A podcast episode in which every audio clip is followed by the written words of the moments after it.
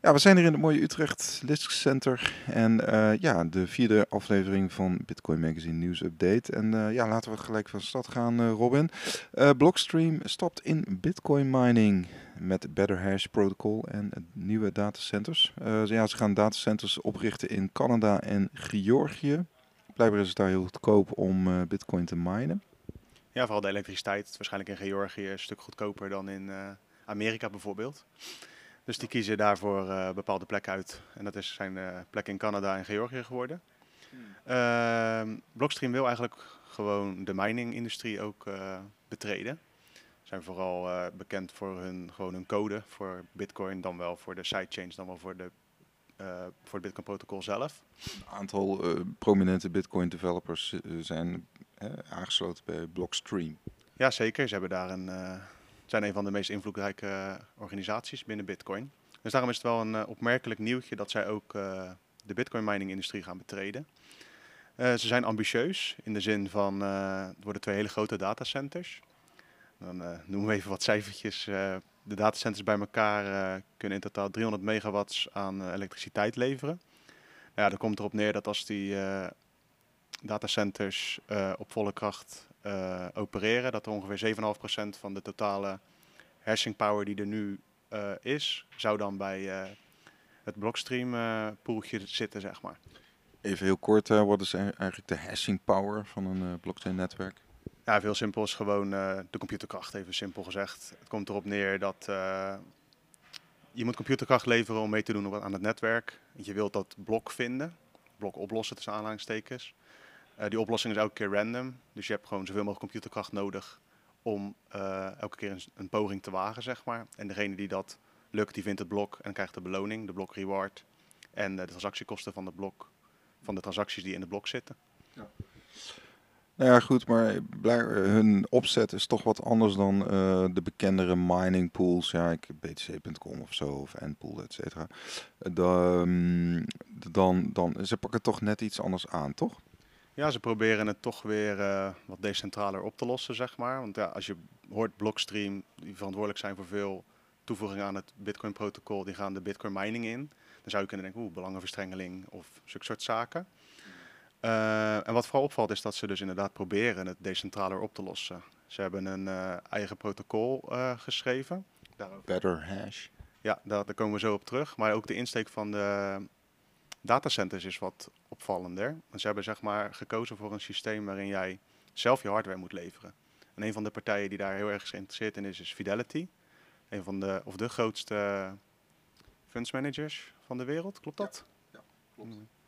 Nou ja, kijk, uh, Fidelity is natuurlijk wel bekend over um, custodian, dus het, het, het uh, opslaan, het beheren van um, crypto assets. Ehm, ja, het is eigenlijk een, een, een, een ja, bestaande, uh, gerenommeerde naam binnen de, de huidige financiële markten, zeg maar. Die um, ja, sinds dit jaar is gestart met een uh, custodial voor, uh, voor cryptovaluta. En dan in eerste instantie voor, um, voor bitcoin en, en in een later stadium wellicht voor, voor Ethereum. Nou goed, opvallend dat zij dus inderdaad zij gaan meedoen aan de mining pool van, uh, van Blockstream.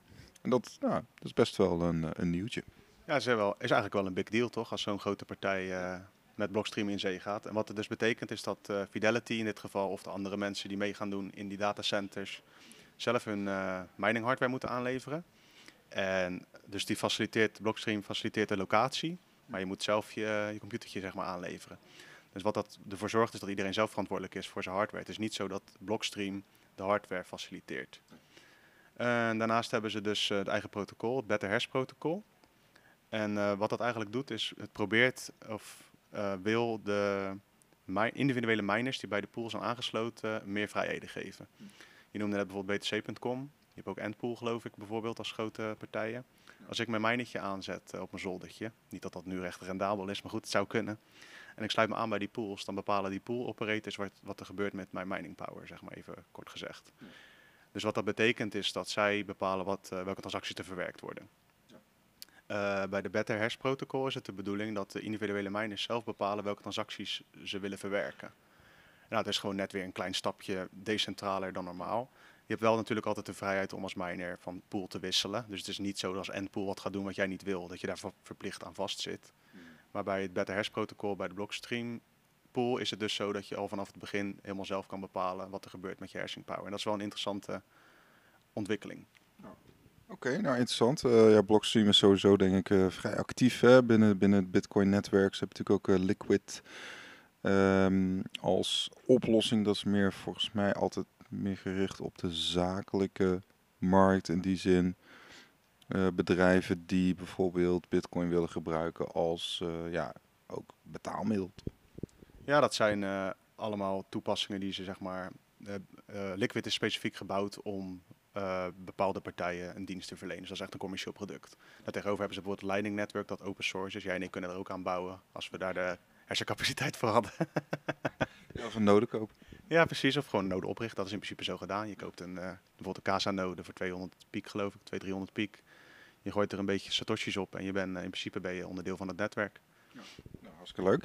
Eh, nou ja, een, een, een, nieuwtje wat er eigenlijk wel een beetje dicht tegenaan zit. We, publiceren natuurlijk veel over Bitcoin. En ehm, is dat zeg maar de verdeling van de Bitcoin als asset, zeg maar, die is vrij ongelijk. Dus eh 2% van alle wallets bezit 80% van op dit moment de Bitcoin die circuleert. Of in ieder geval de, de, de Bitcoin die is uitgegeven, zeg maar, is gemined.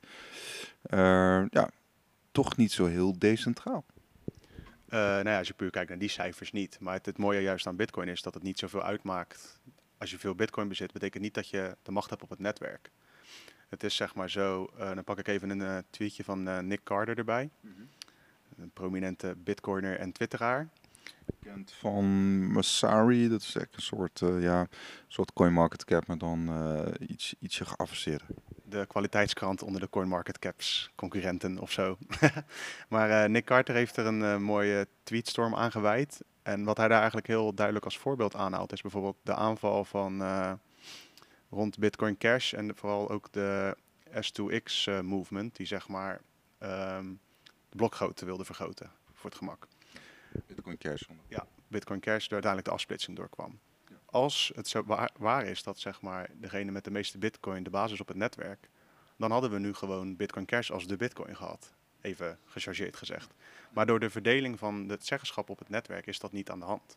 Je hebt, zeg maar, je hebt de nodes, je hebt de miners en je hebt de gebruikers. En er is niemand die zegt van, oh jij hebt 1 miljoen bitcoin, dus jij bent de baas over de miners of de nodes. Iedereen heeft daarin zijn eigen keuze te maken. Elke node kan zijn eigen protocol kiezen. Dus het is niet zo dat iemand met veel bitcoin de basis op het netwerk, waar dat bij proof of stake eh, systemen vaak wel het geval is. Degene met de grootste stapel heeft het meeste stemrecht. Ja. Bij bitcoin he- heb je, er is geen stemrecht. Eigenlijk is iedereen zijn, elke node is eigenlijk zijn eigen eilandje. En jij kiest er dan als node voor om met elkaar een, ja, een land, een bitcoin te, te zijn, zeg maar. Ja, dat is natuurlijk de, de achterliggende technologie, maar je zou wel kunnen stellen dat eh, de, de bitcoin die dan gemined wordt door mining pools, hè, dat, die wordt dan via de pools ook weer verspreid, of in ieder geval als het niet zelf vasthouden, maar goed. Dus zeg maar, eigenlijk het product van het netwerk is niet zo gedecentraliseerd. Dus het, het netwerk zelf wel, maar. De bitcoin zelf niet. Nee, het bezit, eh, bezit is niet zo gedecentraliseerd als dat je misschien zou willen. Eh, wat Nick Carter ook in zijn tweetstorm aanhaalt, waar ik ook wel, eh, dat is gewoon een, een valide theorie, is zeg maar degene die echt rijk worden met bitcoin. Op een gegeven moment cash je uit. Niet alles. Maar je gaat, bijna iedereen gaat er dingen van kopen of weet ik veel. En wat dat betekent, is dat als je een huis koopt van, van bitcoin, dan gaat een deeltje van je, stel dat je 10.000 bitcoin hebt en je koopt een huis voor een x aantal bitcoin. Dan gaat die x aantal bitcoin gaat van jou naar iemand anders.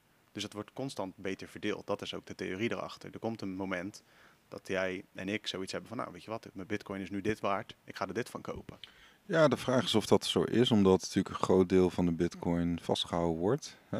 Eh, dus de, het, het, idee dat bitcoin zeg maar uitgegeven wordt, eh, dat, daar, daar kun je vraagtekens bij. Daar heb ik zo geen cijfers van, maar ik weet dat bijvoorbeeld volgens mij iets van 60% van de bitcoin voorraad sinds eh, een tijdje, ja, sinds eh, al een jaar zeg maar niet, is niks gebeurd zeg maar op die adressen. Nee, beweeg niet. Maar dan kom je dus terug bij het eh, punt, zeg maar, eh, je zou kunnen zeggen zeg maar, dat bitcoin eh, qua bezit dus gecentraliseerd is in onze wereld. Even voor, voor gewoon in de fysieke wereld. Dus iemand kan meer kopen dan iemand die, geen, die niet meer bitcoin heeft. Maar je koopt er geen politieke macht van of macht op het netwerk. En dat is de nuance die er gelegd moet worden, of tenminste die er duidelijk moet zijn. Er is gewoon een verschil tussen veel bitcoin hebben en macht op het netwerk. Dat zijn twee hele andere dingen. Maar goed, die vergaande politieke invloed die, die je dan bijvoorbeeld ziet bij Amerikaanse verkiezingen, dat, dat, uh, dat is niet iets wat um, op dit moment gaande is binnen, binnen het huidige ja, Bitcoin-netwerk. Nou ja, kijk, dat kan op termijn natuurlijk wel. Stel dat Bitcoin echt, echt gigantisch gaat stijgen nog en richting een ton of misschien wel een miljoen gaat uiteindelijk. Ja, dan heb je natuurlijk mensen op deze aardplaneet die ontzettend veel Bitcoin hebben en dus ontzettend veel macht in geld hebben. En dan komt er misschien wel een punt dat iemand veel uh, macht kan uitoefenen door zijn stapel bitcoin. Maar nogmaals, dat heeft niks met het netwerk van bitcoin te maken. Dat is eigenlijk een soort van probleem in de, in de wereld zelf, zeg maar. Niet, dat is geen fout van het netwerk.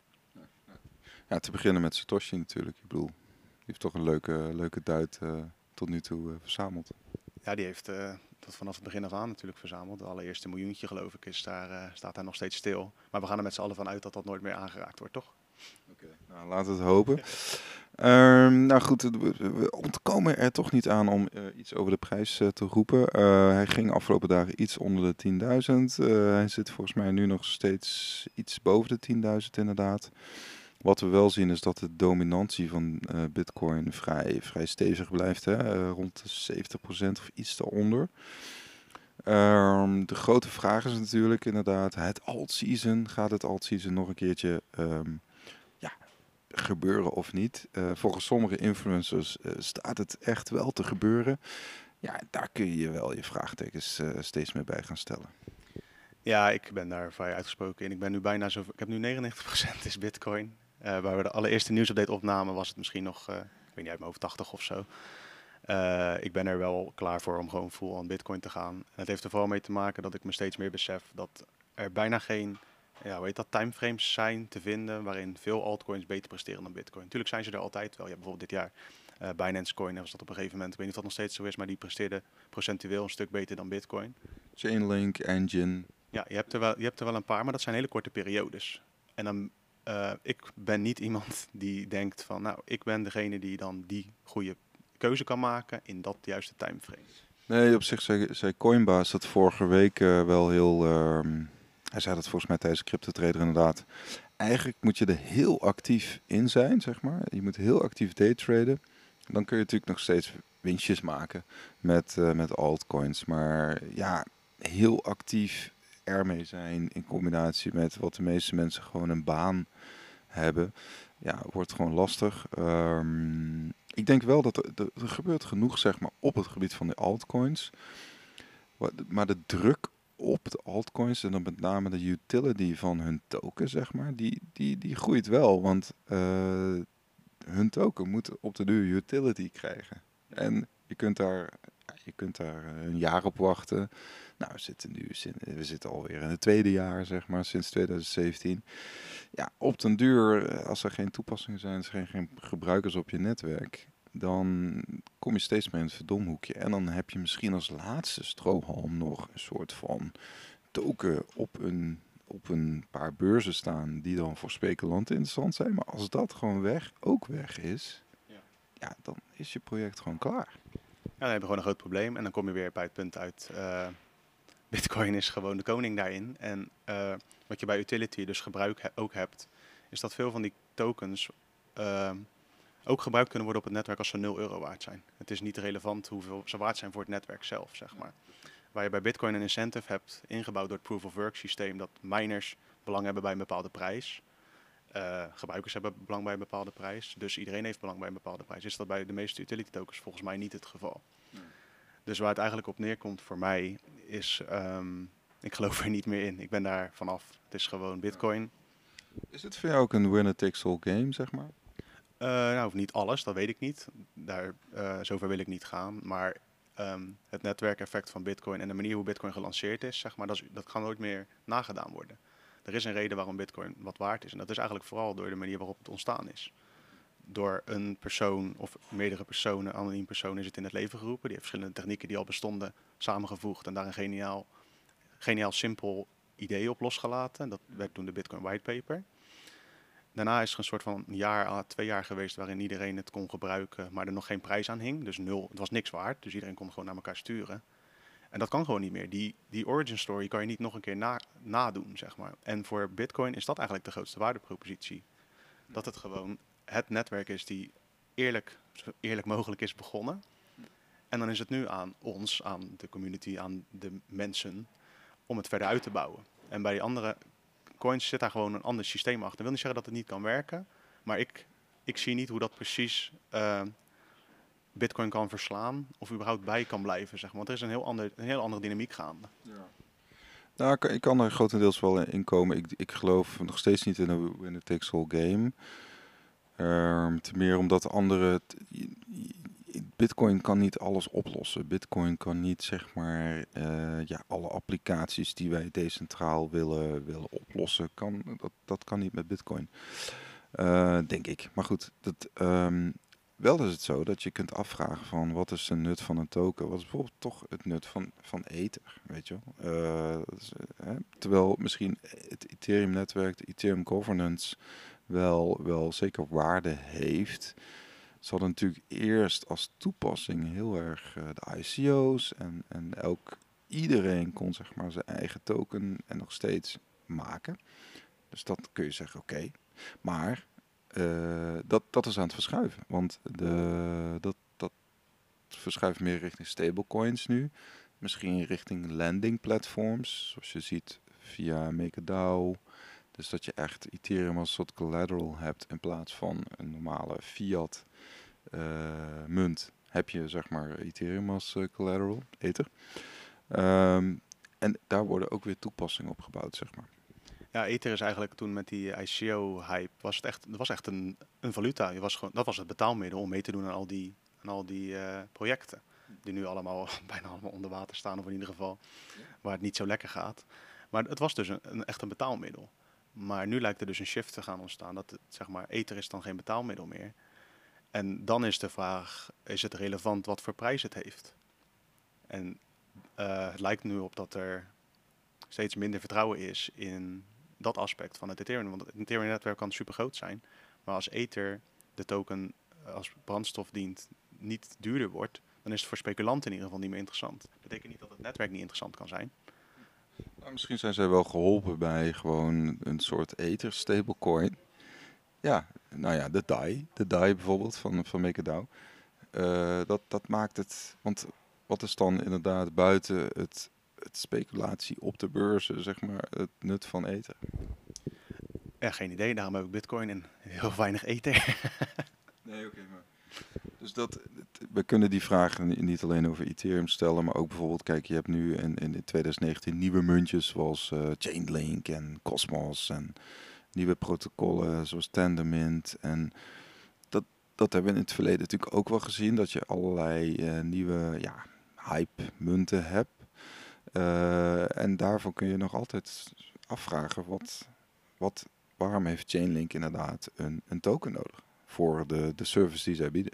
Op zich een service zelf is wel prima, toch? Ik bedoel, je pakt bestaande data in verkokerde ja, silo's zoals Google Cloud en Oracle, SAP. En dan probeer je te koppelen aan deze uh, publieke change, zoals uh, Bitcoin en Ethereum. Op zich zit er wel wat in, omdat bijvoorbeeld uh, die, die publieke chains hebben ook gewoon data nodig. Toch? Uiteindelijk. Dat zien we wel bij Bitcoin Cash bijvoorbeeld. Die heeft eigenlijk te weinig data om iets mee te doen. Dat is eigenlijk een soort leeg netwerk. Ja, het is gewoon. Uh, voor mij is het gewoon, zeg maar, als we het hebben over prijs en over alt-season en weet ik wat allemaal. Je moet dan gewoon kijken naar het ja, monetaire beleid. Want het kan allemaal technisch nog wel interessant zijn, maar het heeft de prijs heeft uiteindelijk ook gewoon te maken met het monetaire beleid. Als dat niet klopt of niet uh, werkt zoals het moet werken, dan is het uiteindelijk een token niks waard.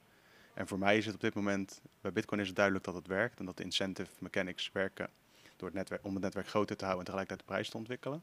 En bij de andere coins is dat voor mij op dit moment gewoon nog een groot vraagteken. Dus ik geloof niet meer in een alt-season.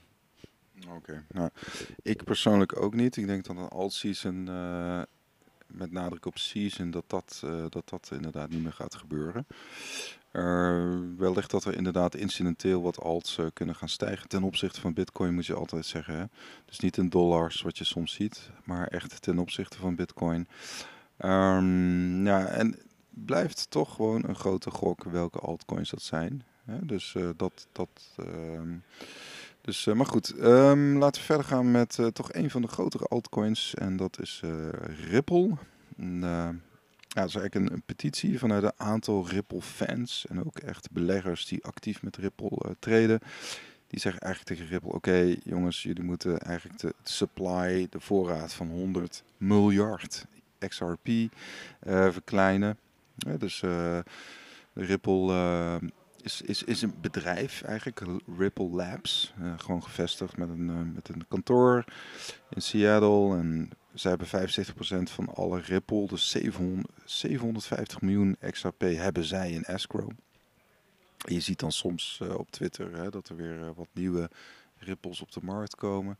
Um, en nou ja, onder andere volgens Crypto Bitlord uh, zijn er, ja, leidt dat tot een lagere prijs van Ripple. En hij vindt gewoon dat dat moet veranderen als je XRP koopt. In de zin van, je weet wat dat beleid is. In de zin van, Ripple heeft gewoon een grote zak met XRP in kas. En het is duidelijk dat ze die elke maand of elke periode uh, willen slijten aan klanten. Dus het is gewoon, uh, dit is gewoon het beleid, het monetaire beleid waar we het net over hadden bij Bitcoin, waar ik vertrouwen in heb. Bij Ripple is dit het monetaire beleid. Je weet dat het gaat gebeuren. Je weet dat uh, Ripple probeert XRP te verkopen aan klanten. Dus die komen de markt op. En dan kan je als community, voor zover je daarvan kan spreken, voor mij zijn het gewoon speculanten die nog een keertje die hypewave mee willen pakken. Um, voor zover je daar, daar, dus van kan spreken, die zijn daarbij gebaat om de, de toestroom van XRP op de markt te verkleinen, zodat er vraag eventueel groter kan worden dan het aanbod. Maar je weet het. Je weet dat dit kan gebeuren en gaat gebeuren. Als een bedrijf van tevoren al communiceert, eigenlijk altijd heeft gecommuniceerd van, nou, wij hebben zoveel in kas, zoveel procent van de supply is van ons en wij gaan dat gewoon verkopen. Dan weet je dat dat op bepaalde termijnen de markt ingaat. Dan kan je wel een petitietje starten, maar wat hou je daarmee uit? Nou ja, de governance bij Ripple is natuurlijk compleet anders dan bij Bitcoin of Ethereum. Hè? Dus het is gewoon centraal geregeld. En daarvoor krijgen ze in, de, in Duitsland, uh, Amerika wel uh, nu veel uh, tegen gas of veel. Eh, er zijn een aantal beleggers die in XRP hebben belegd. En die, ja, die vinden gewoon dat XRP een security is, een effect, zoals ook een aandeel, obligatie. En, um, en niet een utility token, wat, wat altijd Ripple heeft volgehouden. En er is dus nu ook, uh, je had in april volgens mij nieuwe richtlijnen van de SEC over tokenisatie, zeg maar, over verschillende type tokens. Nou, deze beleggers hebben daar een kans gezien om een nieuwe aanklacht in te dienen tegen, tegen Ripple. Dat speelt in Californië dan. En op basis van de, de effectenwet en ook een soort ja, adver, advertising law dat dan specifiek speelt in Californië, proberen ze ja, af te dwingen dat XRP een effect is. Wat is dan hun voordeel, zou je zeggen? Nou ja, op het moment dat zij dat kunnen aantonen, dan geldt volgens mij met terugwerkende kracht uh, bepaalde regelgeving die, die dan aan Ripple gesteld wordt. Ja, want bij, als je een aandeel bezit, dan heb je gewoon uh, recht op dividend bijvoorbeeld. Als, Rip, als XRP een aandeel is of een soort aandeel in Ripple, dan uh, kan je rekenen op dividend. Kijk, de vraag is natuurlijk hoe dit allemaal uit gaat pakken. Maar wat het eigenlijk vooral toont, vind ik, is dat cryptomunten in zijn geheel, zeg maar, met een centrale partij erachter gewoon een probleem hebben qua regelgeving. En dat is gewoon dat is precies wat open blockchains het probleem niet hebben. Bitcoin en in mindere mate Ethereum hebben dat probleem niet, omdat ze geen, hoofd, geen echt hoofd hebben. Dan kan je over Ethereum, kunnen we dan nog kan je een hele podcast aanwijden of dat wel of geen hoofd heeft. Maar de open blockchain heeft daar geen last van. Want wat je nu dus krijgt is dat mensen die XRP hebben gekocht, uh, ervan uitgaan dat het een utility token is. En je hebt mensen die ervan uitgaan dat het een aandeel is. En dat is compleet, zijn twee compleet verschillende dingen. Want utility wordt dan gebruikt op het netwerk zelf. Terwijl met een aandeel heb je recht op bepaalde, ja, heb je recht op bepaalde rechten. Je hebt recht op bijvoorbeeld dividend. Ja, er zit dan bij de aandeel zit ook een prospectus en het wordt natuurlijk centraal uitgegeven. En een utility token, ook in de ogen van SEC, is eigenlijk gewoon een, een ja, utility op een afgeschermd ecosysteem dat inderdaad een nut heeft zeg maar, binnen dat ecosysteem. Uh, nou, daar hebben we het toen net nog even over gehad. Uh, je kunt, nou, Ripple zelf vindt dat XRP dat ook heeft. Hè. Dus ze hebben um, uit mijn hoofd de X-Current oplossing die wel degelijk XRP als een utility gebruikt. Hè, dus, uh, dus eigenlijk een soort um, ja, uh, gateway token tussen, uh, ik noem maar wat, de Japanse yen en de Amerikaanse dollar. Stel dat je bijvoorbeeld de betalingen wil regelen tussen een Japanse bank en een Amerikaanse bank, dan gebruik je de XRP als een soort ja, gateway token. En dat schijnt wel razendsnel te gaan, die technologie. Uh, maar goed, dan is nog steeds de vraag in hoeverre je um, decentraal bent. Uh, want dat is natuurlijk gewoon niet zo. Nee, maar dat communiceert Ripple ook wel duidelijk, toch? De CEO heeft ook wel eens aangegeven dat hij gewoon Bitcoin bezit en dat hij XRP ziet als iets heel anders. Dat dat XRP is gewoon een, een, een financieel middel voor het oude financiële systeem wat we nu hebben. Het is niet bedoeld om uh, een andere kant op te gaan en vrijheid te creëren, of weet ik veel wat allemaal. Bank te unbank, weet ik veel allemaal voor dingen. Sterker nog, Ripple wil gewoon de bank. Daar Libra voor toch? Ja, precies. Noem je toch? We hadden afgesproken het vandaag niet te doen. Maar uh, Ripple is gewoon een, een tussenbruggetje naar uiteindelijk uh, een, eventueel een crypto-samenleving, zeg maar. Dit, crypto, of XRP heeft geen nut als we ooit naar een uh, tijdperk gaan waar Bitcoin de leidende factor is. Oké, nou laten we afsluiten met uh, toch uh, ja, Bitcoin. Um, dat gaat eigenlijk over het feit dat we hebben nu toch wel een soort van mini-recessietje op de obligatiemarkt hebben. Jeroen Blokland, dat is een, iemand van de Robeco, die twittert daar regelmatig over de negatieve rentes van staatsobligaties. ja, je kunt in Denemarken kun je gewoon een huis kopen met negatieve rente. Of een hypotheekrente moet ik zo zeggen. Um, en nou ja, je hebt een school zoals Max Keizer en ook, ook, ook volgens mij Mike Novogratz, maar ook dus Mark Yusko van, van de uh, Morgan Creek. Dat is zeg maar een investeringsfonds die ook een, bijvoorbeeld een aantal pensioenfondsen in crypto hebben, hebben geluld, zeg maar. Um, die zien zeg maar Bitcoin als een, als een vluchthaven, uh, als, als een digitaal goud. De, de vraag is of het dat is. Nou, digitaal goud is sowieso een beetje een verouderde, verouderde term, denk ik. Als in van uh, Bitcoin heeft eigenlijk weinig met goud te maken. Behalve dat het in het begin leuk klonk om een beetje uit te leggen wat het nou kan zijn. Dat het gewoon schaars is, digitaal schaars in dit geval. Bestaande termen, wat mensen, wat mensen begrijpen, zoals goud. Ja, precies. Alleen, ja, er komt natuurlijk veel meer bij kijken, want goud wordt niet decentraal gemined. Of, of tenminste, is niet decentraal. Want er, is gewoon, er zijn concentraties op de, op de aardkloot waar dat nog in de grond zit. Anyway, dat is een andere discussie. Um, wat... ja, goed, de these is dus dat, dat, dat beleggers uh, naar bitcoin gaan. Met name dan institutionele beleggers als, als zeg maar, zijn een hedge. Ja, ik geloof wel dat dat gebeurt. Maar ik vraag me af of dat op, uh, op hoog niveau ook gebeurt. Kijk, op persoonlijk vlak kan ik me dat goed voorstellen. Maar tegelijkertijd moeten we denk ik ook niet onderschatten of overschatten hoe klein het aandeel is van bitcoin in iemands mind, zeg maar, gemiddeld. In de zin van de gemiddelde Nederlander heeft er misschien ondertussen wel eens van gehoord. Op een verjaardag of weet ik veel wat. Of op het nieuws toen het rond de 20.000 dollar zat. Maar het zit nog niet op hetzelfde niveau in je hoofd als van, oh, er komt een crisis aan, wat ga ik kopen? Goud, eventueel kan ik investeren ergens in wat waardevast is, kunst. Of, of bitcoin. Kijk, bij, bij ons, bij ons en de mensen die dit luisteren waarschijnlijk ook, staat dat wel op het, uh, staat het vooraan in de rij, zeg maar. Maar ik, ik geloof niet dat het nu al zover is dat institutionele beleggers zoiets hebben van... oh, de wereld gaat uh, kapot, laat ik bitcoin kopen. Ik denk niet dat het zo werkt nog. Nee, oké. Nou goed, de wereld gaat voorlopig gelukkig niet kapot, maar uh, inderdaad... Uh, er zijn in ieder geval partijen zoals Morgan Creek die in ieder geval proberen om, om, om dat soort fondsen over te halen. Uh, pensioenfondsen ook zoals hier in Nederland, zeg maar, het APG-fonds bijvoorbeeld. Om 1 tot 5 procent van hun vermogen in, uh, in bitcoin te steken. En dan ook geld, en dat is misschien toch nog even terug naar de altcoins. Men begint toch dan met BTC, weet je wel. Men begint niet met Ether. Net zoals we ziet op de futuresmarkt het begint toch echt met BTC. En zonder BTC, ja, is de markt natuurlijk gewoon niet. Het is gewoon uh, papa, papa Bitcoin, toch? En dat is wel een uh, mooie afsluiter, vind ik. Het is gewoon, uh, Bitcoin blijft daarin, blijft de baas. Dus als je dat verhaal van papa Bitcoin wil volgen, dan moet je Bitcoinmagazine.nl checken. We zitten op YouTube, we zitten op Facebook, we zitten op Twitter. Kom eens langs op ons Telegram kanaal en tune voor alles in als we het weer nieuws gaan bespreken. Houdoe, zeggen ze in Tilburg. Bedankt voor het luisteren en nog een fijne dag.